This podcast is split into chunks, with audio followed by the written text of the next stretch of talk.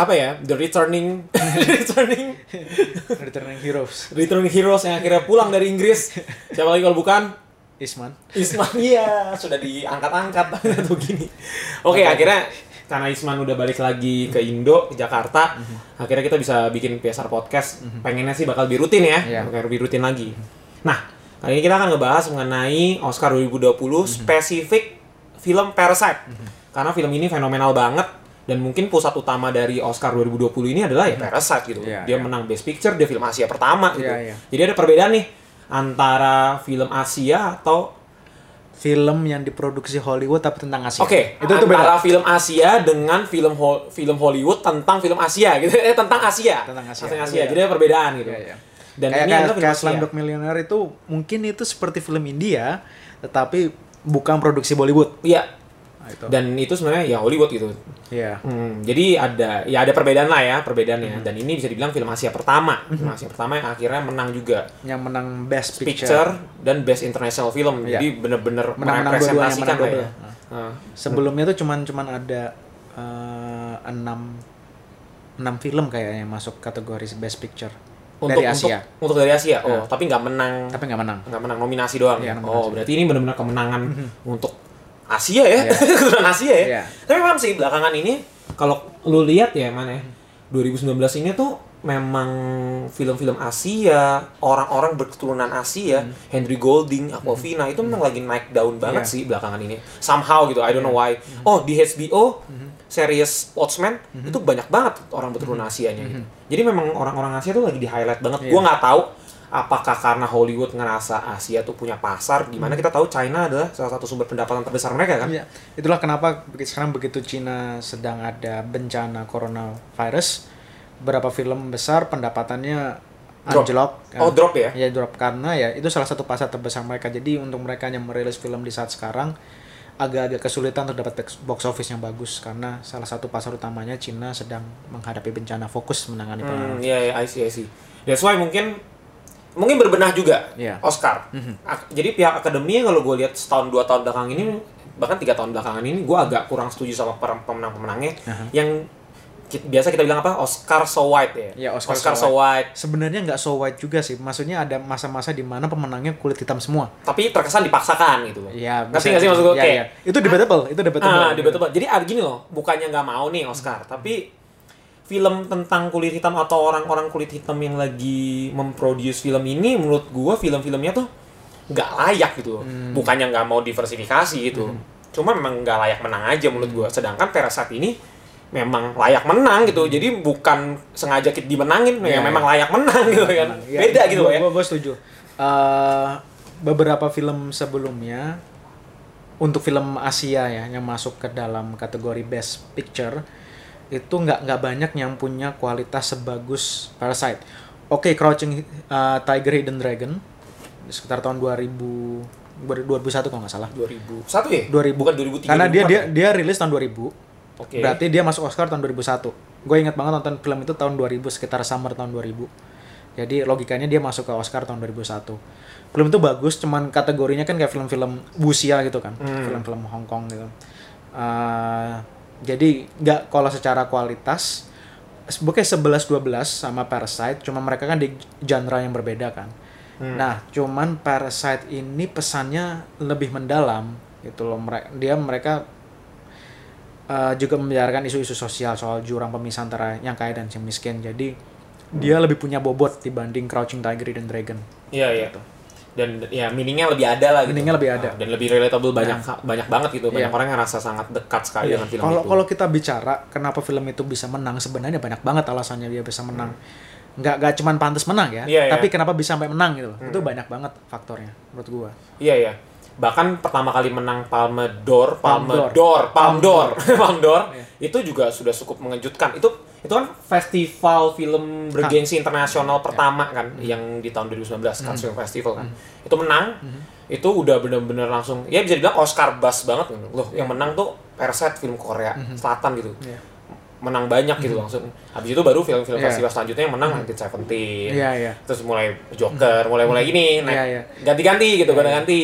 Iya. Menurut gua salah satu faktornya yang bikin nggak cuman dia pantas mana bisa menang adalah karena Palme d'Or itu dan kemudian bagaimana distributor itu memanfaatkan buzz dari situ dan kemudian membangunnya adalah supaya dia dapat rekognisi yang cukup untuk bisa masuk Oscar seperti itu. Hmm. Jadi gue sempat baca beberapa, gue mengikuti perkembangannya Parasite karena gue nontonnya sebenarnya telat karena ketika Parasite main gue ada di Inggris. Oh ya di Inggris agak telat ya rilis. Di Inggris telat karena waktu itu nggak banyak distributor yang mau memutar film ini. Dia kan baru kemudian hype-nya terbangun agak-agak akhir menjelang Oscar.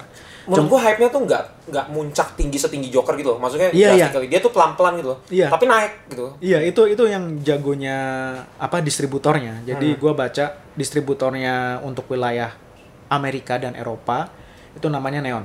Itu dia distributor indie sebenarnya. Oke. Dia bukan distributor gede macam seperti Paramount, Walt Disney, Universal atau Warner Bros sekalipun. Dia sebenarnya uh, distributor indie. Model-model A24 lah Oke. Iya iya. iya. atau Annapurna. Iya, iya, iya. Eh, jadi dia fokusnya adalah kalau film ini untuk bisa dapat perhatian, maka yang di yang harus dijual adalah jangan sampai orang tahu twistnya film ini apa. Karena Parasite kan sebenarnya di awal-awal terkesan seperti film komedi keluarga kan, Iya, drama iya. komedi gitu. Bahkan kalau ngelihat trailernya juga sebenarnya kayak lucu-lucuan juga Iya. gitu kan. Kemudian di paruh kedua kita mendapati film ini sebenarnya sangat-sangat thrilling lah.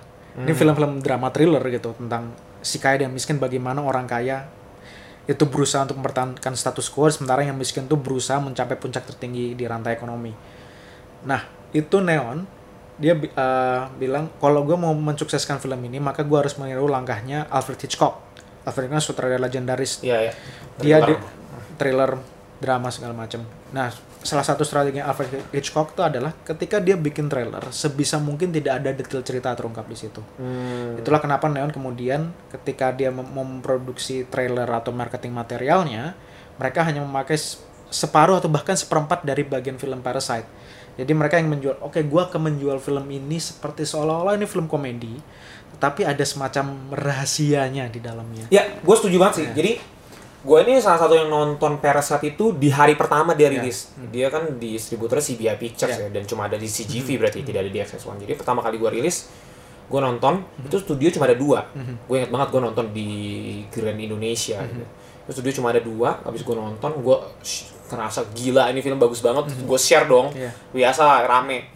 Dan memang memang banyak teman gue suka nonton film Korea tapi lebih ke drama, lebih ke romcom gitu. Iya. Jarang sekali yang nonton yang level ini. Jadi ada perbedaan ya antara drama Korea dengan film Korea gitu. Iya. Ada perbedaan nih gitu. Jadi teman-teman kalau suka nonton film Korea, cobalah keluarin referensi kalian film Korea apa kalian tuh apa gitu. Iya, iya. Kalau Korea film Korea kalian yang kalian bilang mungkin tipe-tipe Descendant of the Sun yang which is a serial drama ya bukan film Korea gitu. Iya, film iya. Korea tuh yang model-model kayak Extreme Job, Iya.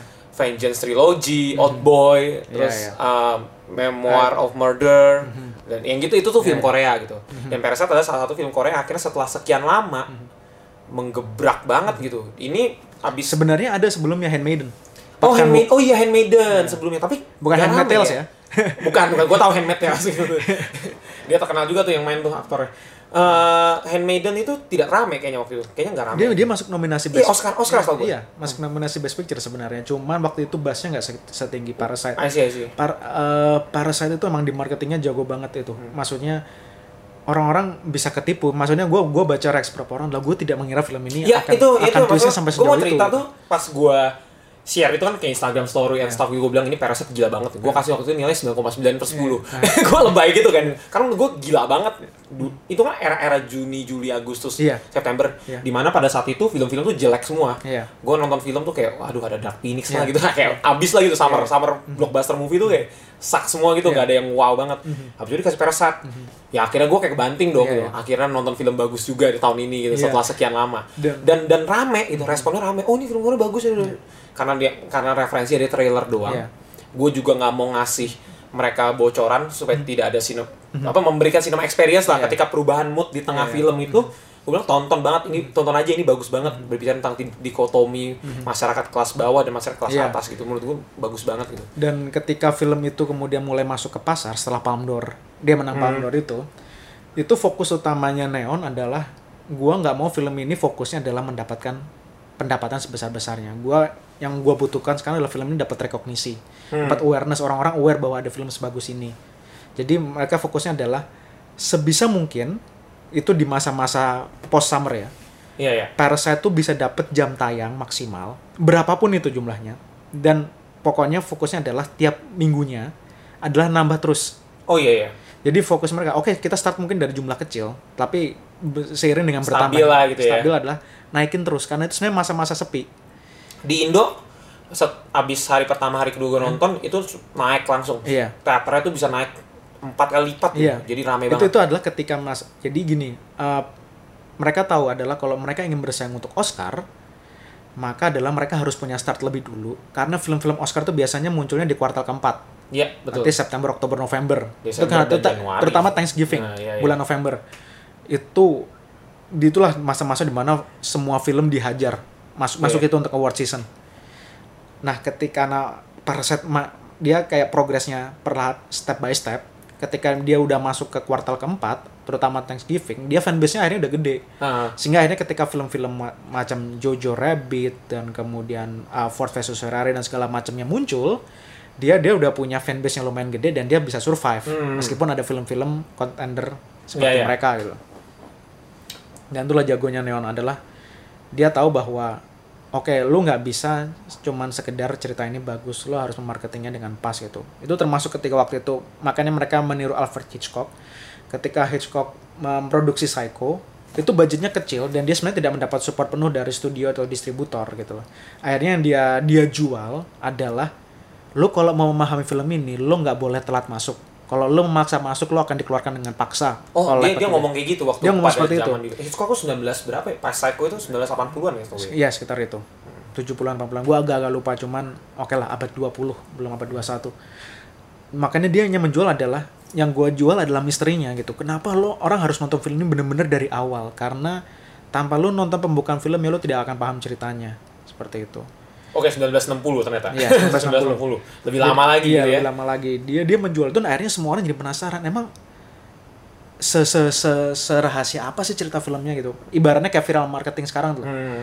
yang dijual bukan inti ceritanya tetapi experience yang akan lo Ya, dapat betul. nantinya Beda ya, itu. Avengers Endgame itu yang dijual rahasianya gitu, Iya. bukan experience-nya. Iya. Karena kalau rahasia lu tahu, experience-nya ya jadi ya nggak berubah banyak Ya, gitu. Paling, paling cuma Avengers- ceritanya kayak ya udah gue cuma tahu kayak oh ternyata si ini mati si itu mati, tapi experience-nya lu tahu sama lu nggak tahu ya sama aja gitu. Iya. Tetap, seru aja gitu, Karena action itu, gitu. kata itu blockbuster movie gitu. Hmm. Berbeda dengan film yang uh, story driven seperti ini gitu. dan drama juga Iya. gitu. Jadi Yang moodnya kalau ke bawah. Avengers kan dalam beberapa hal oke spectacle over story. Meskipun ceritanya kita harus akui bahwa Avengers Endgame itu bagus gitu. untuk genre-nya, untuk bagaimana dia menutup semua kisah MCU sebelumnya. Cuman kita harus membedakannya dengan film seperti Parasite yang dia cuma satu film, dia bukan bagian dari sebuah franchise besar. Dan gimana cara supaya orang-orang bahkan yang mainstream sekalipun mau nonton gitu. Ya betul. Memang memang bagus sih. Memang pada dasarnya gak cuma marketing yang bagus, gimmick marketingnya, tapi memang filmnya sendiri bagus. Filmnya gitu. sendiri bagus, cuma jadi tadi gua bilang kalau kalau baik ya jadi kayak gitu. sebagus-bagusnya lu, tapi kalau lu tidak dipasarkan dengan baik, tidak akan ada yang tahu betapa Iya. bagusnya lu gitu. loh. Dia pelan-pelan sih. Jadi men- jadi teramai di Korea Selatan, terus dia masuk ke Amerika Utara paling ramai. Iya. Dia pelan-pelan masuk yang Iya. ngebangun hype-nya tuh pelan-pelan. Jadi bikin orang penasaran, aduh ini kok sebagus apa sih? Gue gak sabar nih pengen nunggu nih, pengen nonton, pengen nonton. Dan akhirnya sekarang dengan dia menang Oscar, orang-orang akhirnya makin banyak yang pengen tahu bahkan mulai melirik film Korea lainnya yang bagus apa sih? Di Indonesia rilis lagi ya Parasite ya. Iya. Jadi teman-teman yang belum nonton bisa nonton nih ke CGV langsung daripada bajakan mendingan nonton rasain sendiri cinema experience karena scoringnya juga bagus. Iya. Scoringnya bagus. Eh, moodnya lebih dapet kalau di bioskop gitu. Jadi mendingan nonton di bioskop daripada bajakan menurut gua. Ya bagus lah. Ini dengan ini dengan Parasite menang film-film Asia akan dipandang banyak sih. Setidak ya harapannya seperti itu. Amin lah. Hmm, amin lah. Ini mulai dari Korea Selatan dulu lah. Nah, Habis ini kan Korea pasti film-film Korea Selatan yang lain kan di ini kan di tapi tapi kan. tapi itu kan gue sempat baca uh, beberapa artikel itu sebelum sebelum Parasite menang ya maksudnya gue terbiasa untuk melakukan riset beberapa sebelum gue menulis atau berkomentar sebenarnya di Korea Selatan sendiri dipandang bagaimana Bong Joon Ho itu kan aslinya sutradara indie kan sebelumnya kan film kayak Ah. The Host Snowpiercer sebenarnya tidak didukung oleh perusahaan-perusahaan gede cuman ketika Parasite ini dia udah punya nama akhirnya ada istilah uh, perusahaan-perusahaan gede itu yang kemudian mensupport dia banyak Nah, itu ada beberapa komentar sinis dari sutradara-sutradara indie. Sebenarnya ini nggak sepenuhnya kepenangan industri film Korea Selatan secara menyeluruh, karena kemungkinan untuk film-film indie Hmm. masih akan sulit untuk menembus nantinya, dia seperti itu. Ya. Sebenarnya di Amerika biasanya film-film indie, di Hollywood film-film indie punya kans untuk masuk di Oscar gitu. Jadi eh, ini selangkah lebih baik, tapi perjalanan masih panjang untuk benar-benar sepenuhnya mendobrak. Tapi sebenarnya ini juga ada dari apa ya? be- pembenahan diri dari pihak The Academy juga sih pas Iya. nge- nge- ngebuat Oscar karena memang Oscar itu dikenal dari dulu ya again ini film again yang buat orang Hollywood Iya. gitu. Jadi wajar nggak sih kalau lu punya subjektivitas terhadap Iya, iya. pride film-film lu Iya. sendiri. Jadi mereka berusaha objektif, tapi ya kalau isi-isinya orang-orang kayak begitu ya akhirnya Iya. seleranya kan gak jauh-jauh dari selera orang Iya, mereka. itu kan. itulah yang kemudian menurut gua faktor kedua yang buat Parasite bisa menang adalah ada niatan dari Academy Awards atau Academy of Motion Pictures and Arts Ampas-ampas. ampas A- a- ampas untuk memberi kesempatan pada film-film uh, asing untuk bisa menang. Itu makanya kemarin ketika kalau lu ngikutin streaming ya, kan salah satu kritikusnya itu ada Gary Nugroho. Dia bilang sebenarnya Oscar itu kesempatan juga untuk Hollywood melihat arsitektur industri film di luar Amerika. Iya. Seperti itu. Bahwa sebenarnya mereka tidak seburuk yang dibayangkan bahwa film itu lebih dari sekedar gambar gitu loh. Maksudnya di situ juga ada bagian-bagian di mana yang membedakan antara film-film asing dengan film-film uh, Hollywood. Iya. Sehingga misalnya kalau uh, Oscar atau Ampas berpikiran terbuka, sebenarnya banyak kok film yang pantas untuk masuk nominasi Best Picture. Cuma nggak kelihatan. Cuman nggak kelihatan. Tapi gue juga melihat sih sekarang Hollywood itu lagi bergerilya ke Asia Iya. sih. Mereka mulai invest-invest ke beberapa negara-negara negara di Asia untuk ya mereka mau ngangkat cerita dari situ karena kan bosen kan kita Iya. ngomongin Amerika lagi Amerika lagi mereka perlu perlu angle lain Iya, gitu. dan di satu sisi Oscar juga perlu merubah. Karena Oscar itu beberapa tahun terakhir itu relatif mudah tertebak. Iya. Karena style film mereka itu ya begitu-begitu gitu-gitu lagi saja. kalau nggak perang dunia biopik Iya. kalau nggak ngomongin tentang minoritas gitu gitu, lagi kan gitu disabilitas, orang punya Heeh. keterbelakangan feminisme mental. gitu kan diversity gitu gitu, Iya, iya. lagi gitu ketebak banget sih Sebenarnya Parasite juga ngomongin isu sosial gitu. Hmm. Cuman ini bukan film Hollywood gitu loh. dan menurut gue juga filmnya kayak menang gitu Nah, seperti itu. Jadi untungnya ada niatan untuk berubah dari ampas. Memang belum berubah sepenuhnya karena problemnya masih banyak kayak uh, untuk perwakilan dari kulit hitam masih sedikit, iya iya uh, perempuan masih kurang diperhatikan. iya harusnya tapi setid- iya, iya. setidaknya ada niatan berubah. Oke, step by step. Tapi setidaknya itu udah memberikan kesempatan untuk film asing seperti Parasite untuk bisa menang. gitu. Ya. Jadi mungkin tahun depan ya kita bakal lihat film-film asing lain yang Harapannya ada film Indonesia. harapannya Nah, gitu. itu itu harapannya film Indonesia tapi tetap kalau misalnya film Indonesia masuk kan butuh support pemerintah kan. Hmm. Pemer- jangan cuma sekedar mendaftarkan gitu loh. Nah, itulah faktor ketiga menurut gua kenapa Parasite bisa menang adalah support dari pemerintahnya juga ada. Hmm. Ya fun fact lah, maksudnya ketika uh, Parasite menang Palm d'Or, Palm d'Or bukan Palme d'Or ya, Iya. susah banget ya ngomongnya ya. Palm d'Or, dia tuh pas di bandara, pas pulang ke Hmm. Korea Selatan di bandara, mereka tuh disambut di bandara.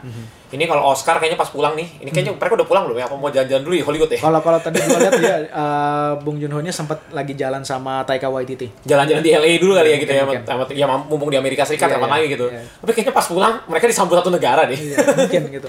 Gua gua eh, gua rasa mereka pasti akan disambut dengan meriah karena kalau gua melihat reaksi-reaksi orang-orang Korea Selatan di internet, mereka sangat menyambutnya seperti ini pesta terbesar yang pernah ada nih, kayak gegap gembita gitu. Eh, bahwa ya ini pencapaian terbesar dan Korea Selatan yang Pasti. yang berhasil mencapainya pertama kali. Ah, bahkan sebenarnya kita juga cukup bangga sih sebagai Hmm. perwakilan orang Asia Indonesia Iya. ya. Jadi teman-teman juga yang kalau ngerasa Parasite akhir adalah film pertama kalian, film per- Asia atau Korea Selatan pertama kalian yang Hmm. menurut kalian bagus dan bisa selevel ini, itu juga membuka peluang buat kalian nonton film-film Asia lainnya yang bagus juga yang Iya. kalian ternyata nggak tahu gitu. Jadi kita bisa kasih rekomendasi lah jangan jangan ada soalnya gini man ada yang belagu soalnya Iya.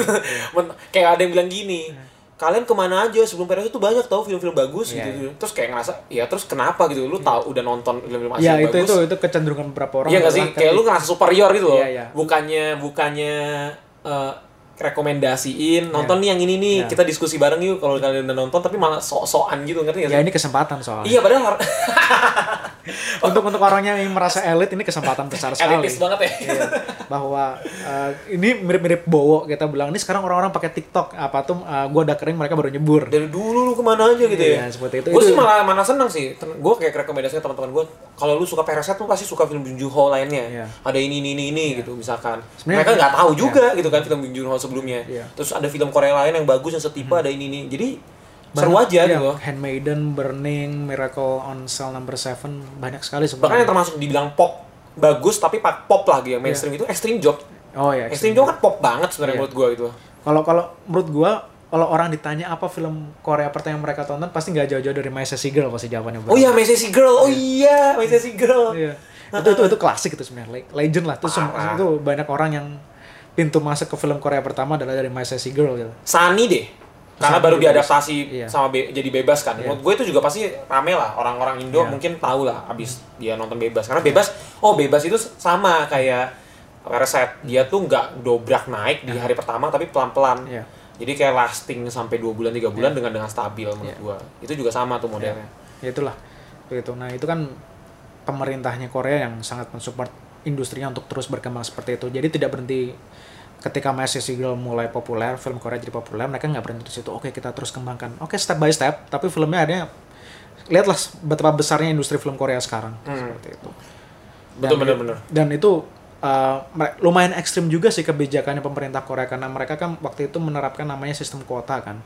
Jadi bahwa di bioskop film-film lokal, film-film Korea itu harus dapat screen time dan jumlah teater lebih banyak dibanding film Hollywood. Oh, kayak India ya. Kayak India. Ah. Indonesia dulu hampir seperti itu. Tapi Cuman karena waktu itu film Indonesia masih jelek kualitasnya, rata-rata masih didominasi oleh film horor atau film esek-esek, oh, dan 2007-an berarti ya.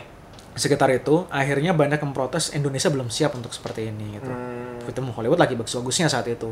Sekarang dengan makin banyaknya film Indonesia yang bagus, mungkin bisa perlahan-lahan Ke arah situ ya. ke arah situ. Cuman ya Penontonnya juga menurut gue sekarang udah mau nonton film Indonesia. Iya. Teman-teman gue yang skeptik sama film Indonesia udah mulai mau nonton film Indonesia. Oke lah, mungkin mereka mau nonton film-film yang sutradaranya Iya. udah well known kayak Iya. Ernest gitu, yang mungkin repres represent beberapa Mhm. orang-orang minoritas kayak gue gitu, gitu kan. Mungkin gitu mereka, tapi setidaknya udah mau nonton. Iya. Mereka membuka peluang untuk film-film Indonesia gitu, Iya. instead of film Hollywood aja Iya. gitu. Jadi Itu- it's a good start lah. a good start didukung pemerintah, didukung warga. Paling nggak akan dapat recognition untuk Hmm. bisa secara internasional nanti. Ya, pokoknya jangan rese aja lah, jangan ada-ada belum juga nonton, baru juga trailernya, baru juga ngeliat judulnya udah di best di best aja gitu, udah dicekal aja, jangan rese lah gitu. kan ada yang Ya, rese. tapi kalau kalau kalau udah udah dapat uh, international recognition jangan kemudian bilang proud to be Indonesia dan segala macamnya karena itu bisa buat beberapa orang turn off. Iya sih. Tapi I think kita tuh tinggal tunggu waktu. Pertama, aktor-aktor kita, Joe Taslim, Udah Iko Uwais, iya. wah udah internasional banget. Sekarang main main di ini main Mortal Kombat men, Iya. gitu. Mortal Kombat sama satu film lagi itu gue lupa. G.I. Joe. G.I. Joe ya, Iya. Snake Eyes Iya. gitu. Jadi udah dikenal, main di studio besar. Terus kedua, film-film kita juga sebenarnya udah masuk ke ranah internasional Iya. cukup banyak festival-festival sejak dulu. Sekarang lebih rutin lagi gitu. Kayaknya kan. Gundala sempat masuk ke berbagai Iya, festival. kan? Gundala masuk science of fiction. Iya. Maka I'm Coming, Hmm. ah maka I'm Coming masuk nggak ya? Gue kurang tahu tapi science of fiction masuk. Hmm. Ya, yang FFI, FFI kemarin itu beberapa yang masuk ke ranah film internasional Hmm. kok. Jadi menurut gue itu juga udah awal yang baik gitu. Gue juga sempat dengar-dengar kalau Joko Anwar itu katanya sempat ditawarin film Hollywood nggak tahu atau apa. Hmm. Kayaknya dia akan bener-bener menuju Hollywood gitu, menembus Hollywood yang sebenarnya gitu. Bisa, bisa, bisa. Iya bisa Ya, kayak gue gitu juga. berharap banyak sih karena sebenarnya kita punya banyak sutradara sudah berbakat yang sebenarnya nggak kalah skillnya dengan Bong Joon Ho gitu. Hmm. Bong Joon Ho sangat beruntung karena uh, selain dia storyteller yang jago, skillnya bagus, dia dukungan akar rumputnya juga kuat. Dia juga punya pengalaman di Hollywood. Snowpiercer kan sebenarnya Snowpiercer. Hollywood. juga. Snowpiercer Korea Selatan. Itu film Korea Selatan, aktornya aktor Hollywood. Tapi bukannya itu yang produce Hollywood juga ya? Enggak, setelah setelah setelah film itu di- dia produksi kemudian dapat distributor Hollywood. Oh, dapat distributor Hollywood. Beda loh, maksudnya punya punya distributor sama diproduksi sama. Oke, minimal dia punya pengalaman Ya. main sama orang-orang Hollywood lah. Iya. Ya, dari situ setidaknya dia tuh nggak nggak buta-buta banget. Ya. Mungkin kalau kita kan bingung nih orang-orang Indo nih. Mhm. Begitu misalkan dia dapat kesempatan itu kan kaget, waduh gimana ya cara kerja kita, Ya. gaya syuting kita beda banget sama mereka yang ada waktunya gitu loh. Kalau udah jam segini udah berhenti. Kalau kita kan dibablasin terus sampai pagi gitu. Ya, ya. Syutingnya nggak sehat lah gitu. Iya, iya. Itu itu untuk sinetron. Nah, sampai sekarang film juga Oh, begitu. juga? Oh, oke. Jadi kayak callingan pagi, sampai pagi lagi pokoknya kayak ngabisin scene-nya tuh jatahnya tuh harus hari itu juga gitu dan dilanjutkan besok gitu. Dan ma- masa produksi kita tuh juga cukup mepet men. Maksud gua mereka harus selesai dalam waktu belasan hari 18 24 hari 28 hari itu bagi kita film Indonesia film panjang itu sudah terlalu lama. Minimal kita tahu kalau film-film Hollywood itu gua nggak tahu ya film Korea Selatan syuting berapa lama ya. Tapi yang kita tahu film-film Hollywood itu untuk syuting tok itu bisa tiga bulanan Iya. ya kan? Belum post production. Ah, ah, gitu. Jadi memang memang buat dia dari sisi produksinya aja udah kayak beda lah gitu, benar di prepare dengan sangat matang gitu dibandingkan kita gitu. Jadi gue cukup Iya. mengerti sih. Eh, Bung Joon-ho menang itu karena memang udah ada portofolio yang bagus gitu loh. Jadi pas Parasite kayak puncaknya lah gitu. Ya. Gue sih penasaran eh, selanjutnya siapa sutradara-sutradara yang akan muncul di Oscar. Gue nggak tahu tahun ini ya. Maksudnya tahun depan. Oscar tahun Hmm. depan siapa? Apakah masih akan ada film Korea atau film Asia lainnya? Hopefully ada. Pasti harusnya sih ada. Masalahnya adalah dengan sekarang ada Parasite berarti sebenarnya eh, benchmarknya jadi lumayan tinggi kan. Oh pasti. Iya iya iya, pasti pasti pasti. Benchmarknya parah banget sih pada saat itu sih. Kayak film-film Asia lainnya kalau mau menang ya harus di atas Parasite atau nggak Iya, setara. Karena kalaupun di bawah Parasite dan menang, itu pasti akan dibanding-bandingkan sama Parasite. Kayaknya nggak layak gitu segala Iya, iya. macam gitu. Ya. Dan, Menurut dan itu. biasanya nih ya menurut gue ya, eh, kalau mau ngecek-ngecek itu di A24 sih. A24 tuh langganan-langganan Oscar. Mhm. Jadi kalau mau ngeliat film-film yang unik dan dan biasanya Asia. Iya. kayaknya The Farewell juga A24 ya. Iya. A24 The juga Farewell. kan, itu kan bagus Menurut juga tuh. kesempatannya sebenarnya ada Hmm, jadi A24 mungkin bisa bantu-bantu film-film Asia Iya, gitu iya. somehow gitu. somehow. Bisa bantu juga. Udah, Oke. paling gitu sih eh, pembahasan kita Parasite. Mhm. Bingung juga mau bahas apa lagi kita. kita bahas terus soalnya ngobrol jadi sampai bingung nggak bingung juga mau ngomongin apa lagi Iya. karena saking serunya juga Parasite ini bisa menang dan speech-speechnya juga Iya. Bung Joon-ho juga menarik. Dia Iya. juga gini loh. Ada orang kadang-kadang menang tuh belagu. Iya, iya, Bung iya. Joon-ho tuh menang tuh kayak nyantai, slow. Iya, Bahkan dia nge-tribute Martin Scorsese, nge-tribute Quentin Tarantino, terima kasih sering bilang film gua sebagai rekomendasi lo gitu. Yang yang gue lucu dari speechnya dia adalah setiap kali dia mengakhiri speechnya dia bilang gue akan minum-minum sampai pagi malam. Iya, iya. dia dia udah ngomong itu berarti total dia empat kali gitu. Dia, Iya, dia iya. gue rasa dia hari ini sangat teler tuh pasti. Iya, iya, iya, bercanda doang kan kayak juga gue yakin. Tapi sayang sih, menurut gue yang disayangkan dari Parasite adalah aktor-aktornya nggak ada yang masuk nominasi. Iya, agak-agak sulit emang. Pesa- eh, pertama adalah kendala bahasa itu pasti masih ada lah. Bung Joon memang mendobrak tapi tembak itu masih lumayan tinggi. Iya, iya, make sense sih. Tapi yang pasti aktor-aktornya itu akan tapi naik- tapi naik lucu juga sih karena ada yang film di mana uh, aktornya tidak bersuara sama sekali tetapi bisa menang best actor tapi ketika bersuara tapi bahasa asing tidak masuk nominasi best actor Hmm. dulu The Artist uh, Jean Dujardin Hmm. itu menang dia cuma ngomong satu line itu pun di akhir film karena itu film tentang film bisu kan tribute ke film bisu Iya, iya, iya. jadi dia sama sekali nggak mengucapkan bahasa Inggris ataupun bahasa Prancis yang bahasa lidah ibunya gitu loh. Dan dia bisa menang Best Actor. Jadi sebenarnya bahasa apa pun itu, lo bersuara atau enggak, sebenarnya lo punya kesempatan untuk menang kalau lo bener actingnya bagus. Iya, yang penting acting sih, kuncinya acting. Iya. Acting itu kan diem juga acting. Iya. Cuma memang cuman, pada saat cuman ini, problemnya adalah ketika pesaing-pesaingnya berbicara dalam bahasa Inggris, ketika lo bisa berbicara, lo lebih banyak ekspresi yang bisa lo sampaikan iya, kan. iya. Jadi uh, range untuk mengukur kemampuan actingnya itu jadi lebih lebih gampang gitu. Hmm, iya, iya. Dibanding cuman diem gitu. Dan ya, menurut gue juga, menurut gue ya, kalaupun Parasite mau dimasukin uh, Best Actor atau Best Actress atau Supporting Actor, Supporting Actress, uh, saingannya menurut gue juga berat sih. dan gue jujur nggak ada yang bener-bener menonjol Iya, kecuali sini. Si emak-emak yang di Parasite apa tuh yang pembantunya itu yang pertama. oh gue lupa namanya Ah iya nih, aduh, ini kelemahan kita nih, gak hafal nama-nama Korea. Gitu. Jadi yang pembantunya yang yang Iya, iya. ternyata nyimpen lakinya di Iya. basement itu menurut gue acting gila sih. iya Dorong-dorong apa? Dorong-dorong lemari ya. iya itu menurut gue acting oke. Sama yang ceweknya itu si Jessica Illinois Hanaga Iya, gitu. iya, iya. Itu menurut gue yang itu juga acting oke gitu dibanding cowoknya, dibanding yang lain-lainnya, bokapnya dan segala macem sih. Ya, overall itu sih Parasite. Mhm. Jadi teman-teman yang belum nonton Parasite sekali lagi nonton di bioskop CGV gitu ya. Ini udah gue iklan ini jadi lain kali CGV nih kalau Parasite. iya. Aku keras karena kita ngomong. Iya, iya. Atlet, tolonglah. Tolonglah. Iya paling gitu. Iya. Eh, thank you udah dengerin kita. Ke depannya kita akan rutinin lagi podcastnya sesuai dengan Mhm. topik-topik iya apa ya topik-topik film kali yang, yang lagi, lagi hangat, hangat ya. apa gitu. diskusi-diskusi mungkin besok next kita coba akan undang orang dari ya orang. juga. Hmm, betul betul. Biar nggak bosan ngomongin kita doang yang ngomong gitu. Sekali-kali narasumber yang lebih oke iya. lah gitu. Iya. dan dan ya gitu deh. Oke thank you dadah. Semoga Livi Chang menang Oscar tahun depan. Dah